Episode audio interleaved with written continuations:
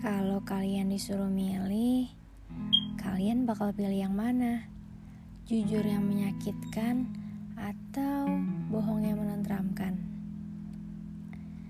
Gini-gini, mungkin jika dalam skala kecil, kebohongan yang kita lakukan bisa saja tidak ketahuan. Tapi saat kita berbohong lalu ketahuan, pasti kita akan bohong lagi dan mengulangi hal yang sama.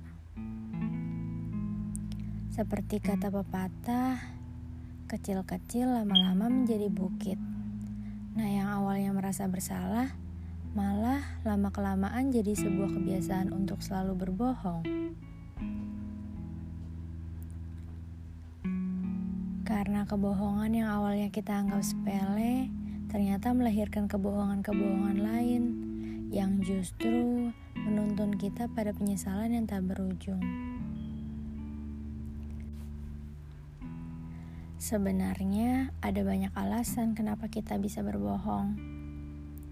Salah satunya yang sering terjadi, kita beralasan tidak ingin menyakiti perasaan seseorang dan berharap ia akan percaya dengan kebohongan yang kita ciptakan agar jiwa ini merasa tenang.